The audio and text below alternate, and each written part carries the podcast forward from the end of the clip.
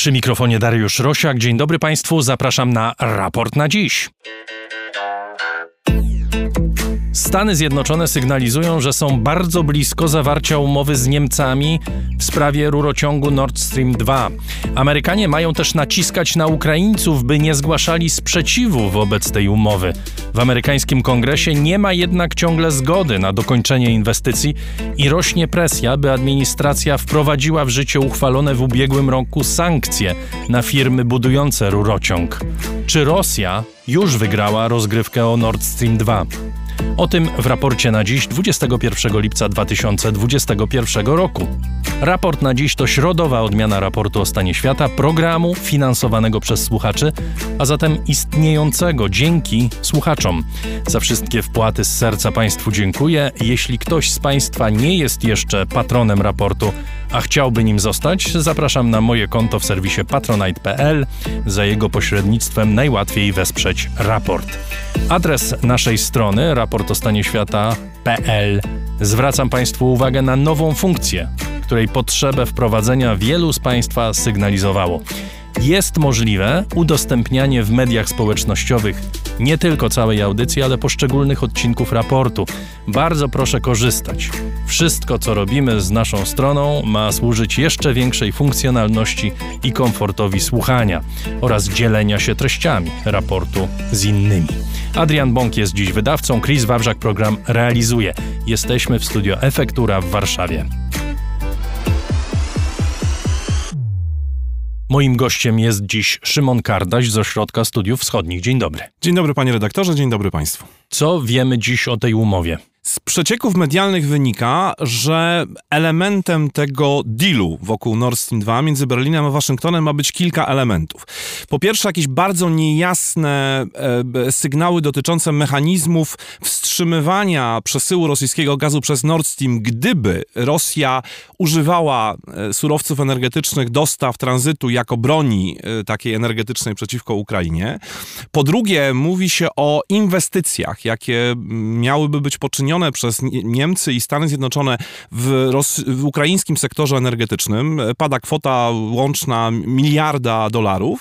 I wreszcie pewne sygnały dotyczące mm, przyszłości tranzytu przez Ukrainę, które miałyby być przedmiotem jakby nowej umowy e, tranzytowej, przedłużającej tę obecną, która wygasa w roku 2024 o kolejne 10 lat, ale bez jakichś tutaj większych na razie szczegółów. To są przecieki medialne. Czy z tego wynika, że Amerykanom udało się przekonać panią Merkel, przypomnijmy, była w zeszłym tygodniu w Waszyngtonie, że to jest projekt nie tylko komercyjny, ale również polityczny.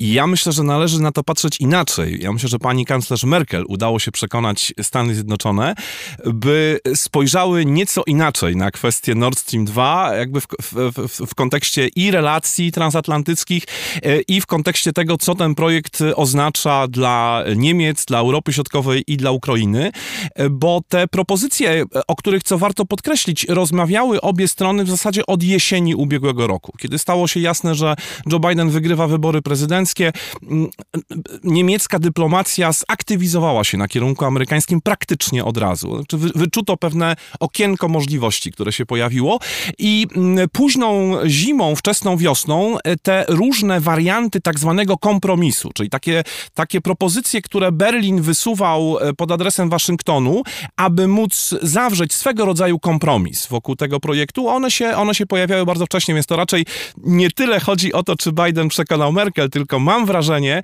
że chodziło o to, by Merkel przekonała e, e, Waszyngton do e, przyjęcia takiego, a nie innego kursu. I to się udało.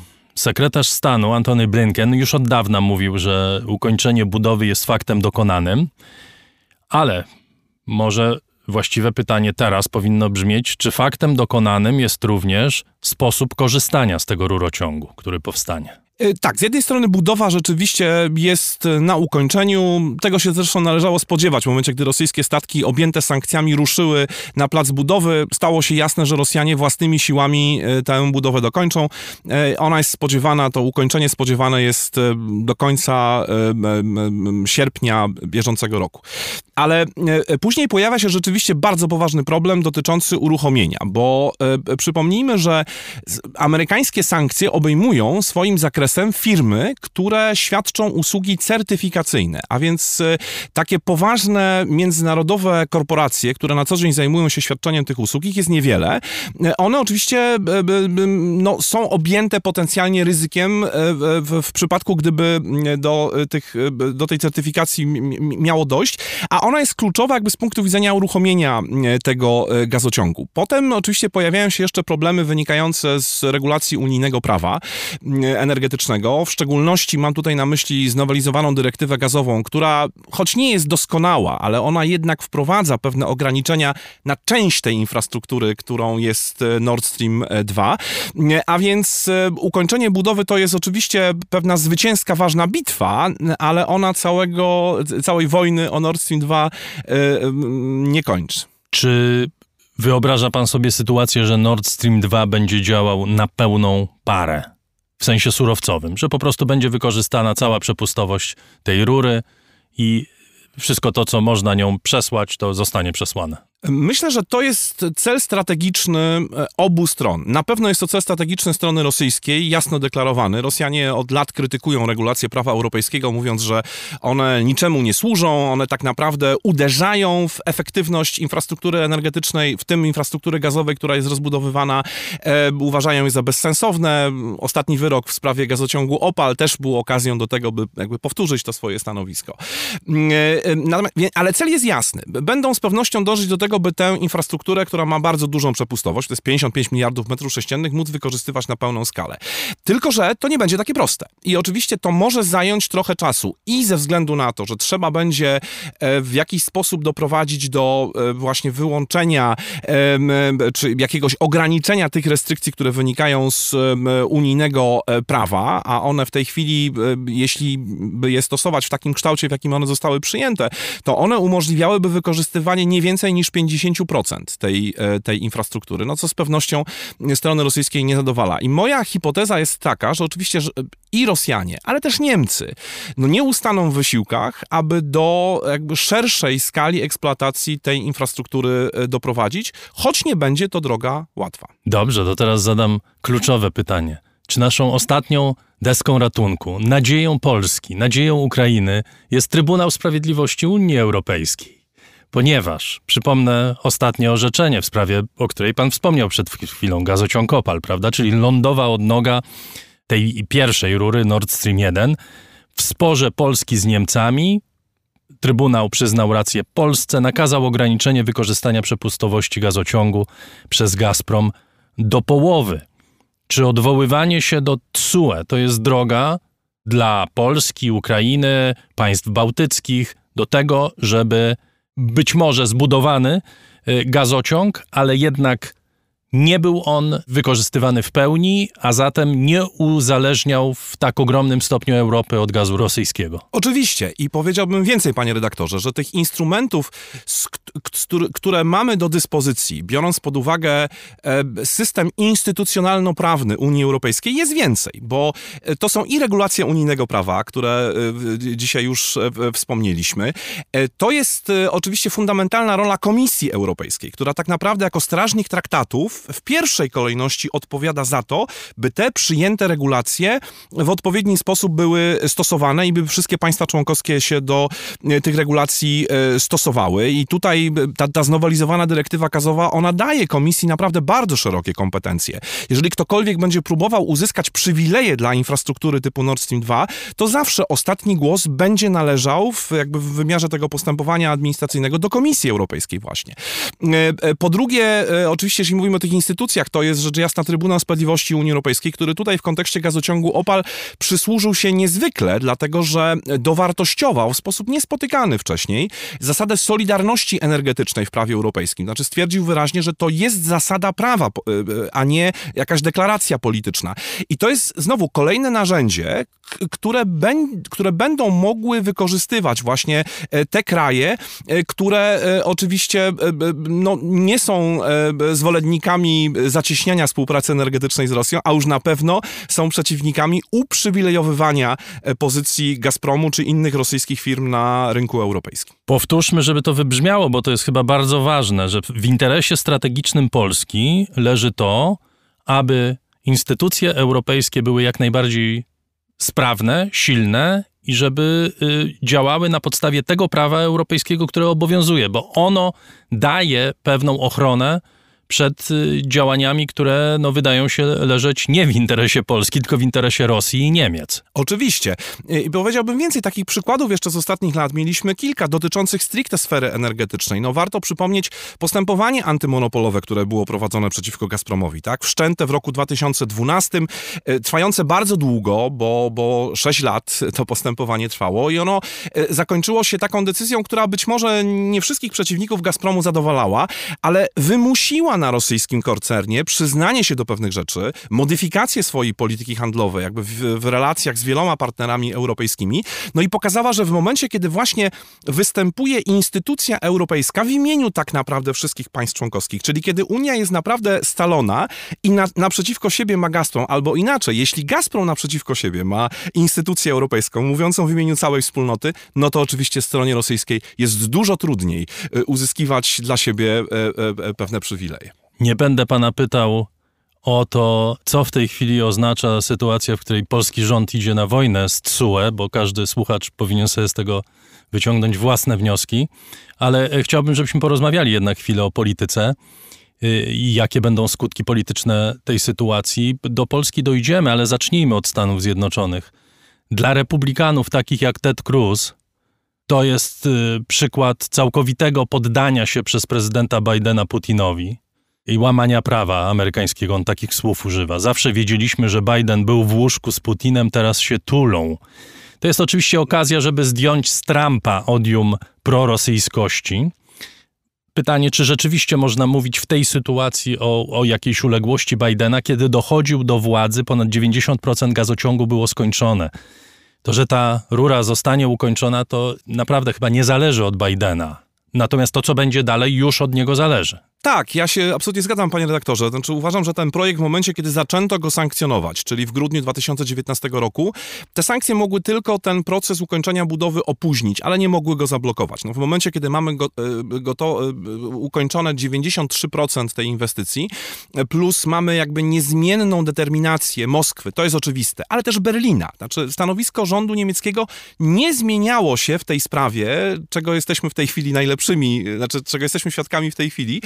E, przez te wszystkie lata. W związku z tym w obliczu takich okoliczności naprawdę bardzo ciężko było oczekiwać, że ktoś na takim poziomie zaawansowania te inwestycje mm, zarzuci. Ale e, to oczywiście, co można zarzucić Bidenowi, to to, że e, instru to instrumentarium sankcyjne, które było rozbudowane w końcówce prezydentury Trumpa, ale to też warto podkreślić, zawdzięczamy to nie Trumpowi, tylko Kongresowi Stanów Zjednoczonych. Rzeczywiście administracja Bidena podjęła tutaj pewne strategiczne, polityczne decyzje. No bo ten dylemat, z którym Biden musiał się zmierzyć na początku swojej prezentury był taki. Czy być bardzo pryncypialnym wobec Nord Stream 2 i jakby taką Nord Streamocentryczną politykę prowadzić, jeśli idzie o relacje transatlantyckie, czy też chcieć naprawić właśnie te relacje transatlantyckie, no a to oczywiście musiałoby się odbywać e, siłą rzeczy kosztem e, tutaj jakiegoś takiego zmiękczonego podejścia wobec Nord Stream 2. No i ten dylemat został rozstrzygnięty na rzecz poprawy relacji transatlantyckich, a może żeby być bardziej precyzyjnym, poprawy relacji z Niemcami, jako kluczowym z punktu widzenia Stanów Zjednoczonych sojuszników w ramach tych relacji transatlantyckich. No i konsekwencją tego politycznego, e, strategicznego wyboru jest właśnie e, ten e, bardziej łagodny kurs wobec Nord Stream. No i oczywiście ci, którzy oczekiwali tutaj twardego stanowiska, a Ted Cruz niewątpliwie jako jeden ze sponsorów tych projektów sankcyjnych, no mogą się czuć rozczarowani, podobnie zresztą jak kraje Europy Środkowej, które oczywiście te relacje transatlantyckie rozumieją trochę inaczej, to znaczy jako taką większą wrażliwość właśnie na potrzeby tych mniejszych w, w ramach e, transatlantyckiego partnerstwa, niż tylko tych wielkich, takich jak Niemcy, Francja e, czy Wielka Brytania. Porozmawiajmy o chyba kraju najbardziej zainteresowanym tym, co się dzieje, to znaczy Ukrainie. Wczoraj podsekretarz stanu Derek Chollet był na Ukrainie, dziś jest w Warszawie. Nie wiem, czy mamy jakieś szczegóły tych informacji. Znowu są jakieś przecieki medialne, ale jaki jest stosunek Ukraińców do tego, co się dzieje i y, jak to może wpłynąć na stosunki Stanów Zjednoczonych z tym krajem? No, wydaje się, że ten stosunek jest rzeczywiście mocno krytyczny i e, ta operacja e, amerykańska ona wygląda trochę tak, jakby po, po, przyjęciu pewnych uzgodnień z Niemcami, znaczy właściwie na linii e, Berlin-Waszyngton, wysłannik administracji amerykańskiej udał się z taką misją poinformowania E, tych, którzy oczywiście są e, tutaj szczególnie tak zainteresowani e, konsekwencjami ewentualnego porozumienia, czyli Ukrainę, Polskę, być może jeszcze parę innych krajów, o tym, co zostało uzgodnione. Czy to nie, nie wyglądało, szczególnie ta wizyta właśnie w Kijowie, to nie wyglądało jako, mm, przynajmniej na razie nic nie, nie, na to nie wskazuje, jako forma konsultacji jeszcze tego, co ma być treścią tego porozumienia, tylko raczej poinformowania o tym, co, co jest jego treścią i oczekiwanie, że Kijów to zaakceptuje. Pojawiły się wręcz takie informacje w, dzisiaj w mediach, że, że wręcz sugerowano, by Ukraina powstrzymała się od krytyki tego porozumienia, które Berlin zawarł z Waszyngtonem, niezależnie od tego, że nie znamy jeszcze jego treści, aby krótko mówiąc nie psuć klimatu przed spodziewaną wizytą Zeleńskiego w e, Waszyngtonie i krótko mówiąc przyjąć to jako taki dar e, losu i, i, i z nim nie dyskutować. No, I to rzecz jasna będzie e, rzutowało na te relacje ukraińsko-amerykańskie i mam wrażenie, że jeżeli faktycznie ten, to porozumienie wokół Nord Stream zostanie ogłoszone, no to e, pewien chłód tutaj w tym kontekście będzie zauważalny. No nie sposób pozbyć się takiego poczucia jakiejś nieprawdopodobnej hipokryzji, jaką przesycone są te, e, te, jest cała ta historia, prawda? Z jednej strony mamy podobno właśnie miliard dolarów e, w transformację energetyczną na Ukrainie, z drugiej umowę z Niemcami, czyli z krajem, który rozwija e, paliwa kopalne, prawda, swoją energię e, opartą na, na gazie przede wszystkim po odejściu od energetyki jądrowej, inaczej nie umie sobie zapewnić stabilności energetycznej i wszyscy to robią jakby z otwartą przyłbicą, udając, że nic wielkiego się nie dzieje, prawda. No, do hipokryzji przywykliśmy w polityce, ale za każdym razem powinniśmy zwracać uwagę, kiedy coś takiego się pojawia, bo to jest jawny przykład tego. Tak, poza tym, jak pan redaktor wspomniał, ten, ten, ten miliard dolarów, no jeżeli porównamy to z wpływami Ukrainy z e, tranzytu rosyjskiego gazu, tak, który regularnie utrzymywał się na poziomie 1,5 miliarda, 2 miliardy, czasem trochę więcej rocznie, no to jeden miliard y, takich cał, Ogółem, takiego tak. pakietu na no, siłą rzeczy, tak, rzeczy, tak, to siłą rzeczy no, no nie musi robić specjalnego wrażenia w, e, w Kijowie i to jest, i to jest uzasadnione. E, e, a poza tym fundamentalne pytanie pojawia się następujące, znaczy jaki charakter będzie miało to porozumienie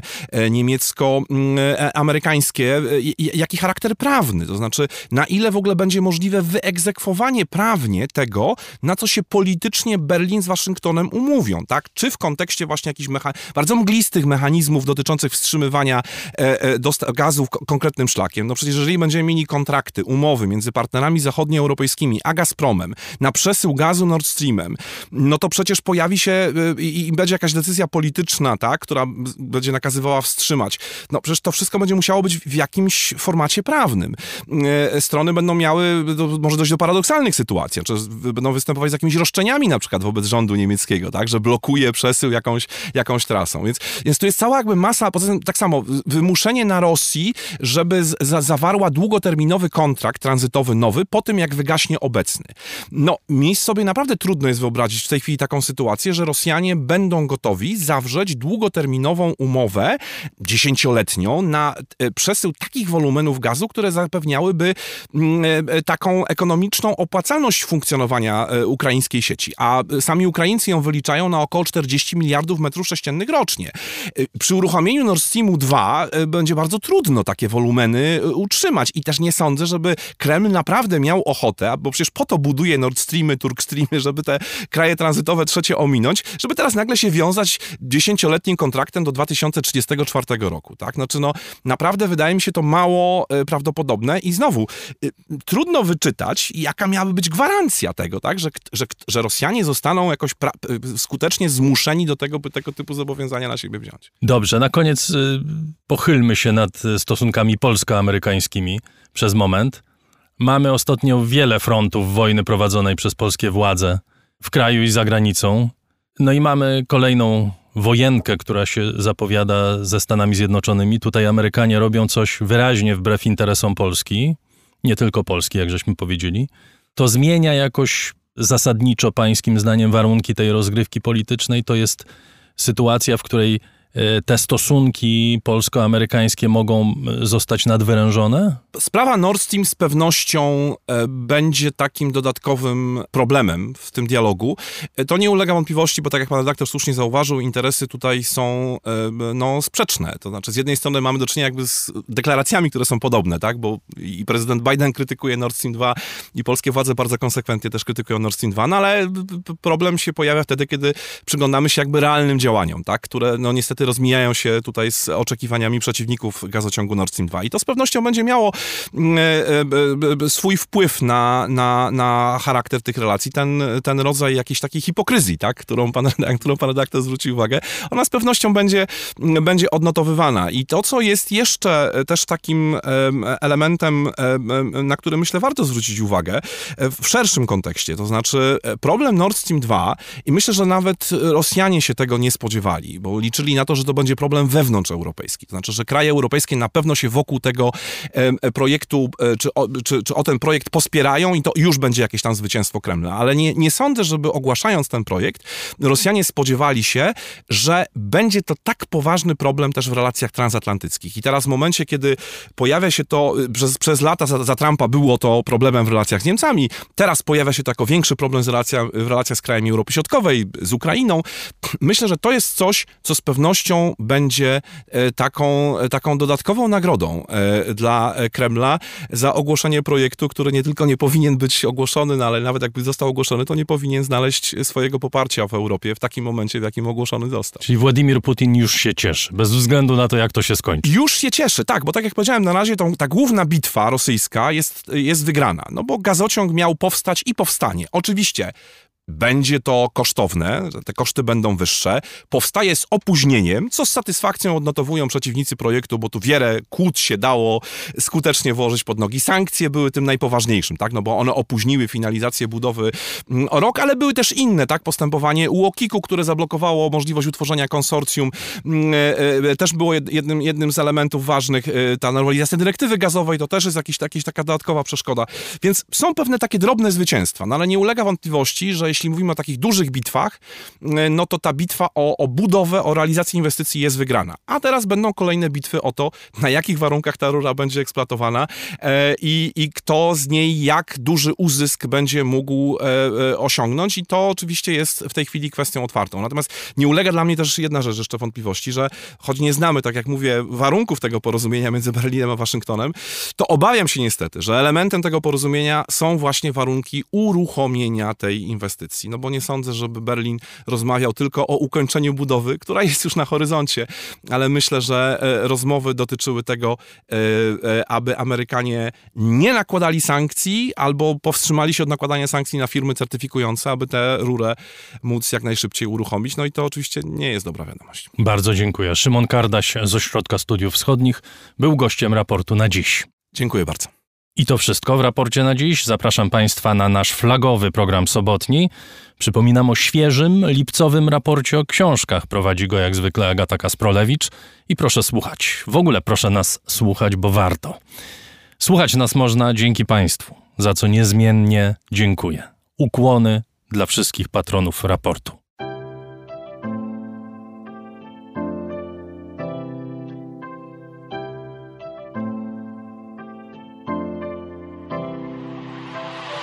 Raport o stanie świata od marca ubiegłego roku rozwija się dzięki Państwa zaangażowaniu i szczodrości. To dzięki Wam możemy opowiadać o świecie przy pomocy dźwięków. Dzięki Wam ten program jest przygotowywany w profesjonalny sposób z zachowaniem najwyższej jakości, bo na nią właśnie zasługują słuchacze raportu o stanie świata. Z serca dziękuję wszystkim Państwu za wpłaty. Wasza hojność jest dla mnie ogromnym zobowiązaniem. Zbiórka na patronite.pl ciągle trwa, zachęcam do udziału. Najhojniejsi patroni raportu o stanie świata to artrage.pl książki dostępne dla każdego. Za tyle, ile chcesz zapłacić. Bierz i czytaj. Hotel Bania Termal i Ski w Białce Tatrzańskiej, oferujący rodzinne wakacje z dostępem do term. Firma doradcza Crido Kantory Kanga, sieć stacjonarnych kantorów kryptowalutowych w Twoim mieście. Firma Prosper z Sosnowca, hurtownia elektroenergetyczna i właściciel marki Czystuś. Firma Venterm z Niepołomic, generalny wykonawca instalacji sanitarnych i odnawialnych źródeł energii. Magda Kras-Gorzkowska, właścicielka marki Miłomi Beauty, najmilszego day spa w Pruszkowie i okolicach www.miłomibeauty.pl Catering dietetyczny Lightbox, oferujący dietę pudełkową z wyborem potraw z różnych kuchni świata. Michał Małkiewicz. Firma Software Mill. Od zawsze zdalni programują dla całego świata. Dom wydawniczy Muza, bo świat nie jest nam obojętny. Uber. Myślimy globalnie, działamy lokalnie. A także firma Ampio Smart Home. BIMV.pl. Kursy online dla inżynierów. CIO Net and Digital Excellence. Łączymy ludzi i idee. Grupa brokerska CRB. Ubezpieczenie należności dla Twojej firmy. Bezpłatne porównanie ofert www.grupacrb.pl. Mariusz Drużyński.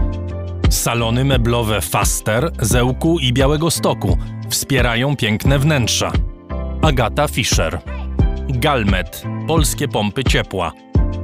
JMP. Z miłości do sportu, z najlepszych tkanin w sercu Podhala szyjemy dla Was porządną odzież. Palarnia kawy La Cafo z Augustowa. Gosia i Michał Kowalczewscy. Alan Meller. Aplikacja Moja Gazetka. Polska proekologiczna aplikacja zakupowa z gazetkami promocyjnymi i nie tylko. Moja Gazetka. Kupuj mądrze. Muzeum Kinematografii w Łodzi, organizator 31. Festiwalu Mediów Człowiek w Zagrożeniu. Paweł Nowy Nowak. Wydawnictwo SQN, wydawca reportaży Mecz to Pretekst i Republika Samsunga. Drukarnia cyfrowa totem.com.pl. Dla nas książka zasługuje na najwyższą jakość. Fundacja Wasowskich, opiekująca się spuścizną Jerzego Wasowskiego i wydawca książek Grzegorza Wasowskiego. Szczegóły na wasowscy.com. Dziękuję bardzo. To dzięki Państwu mamy raport o stanie świata.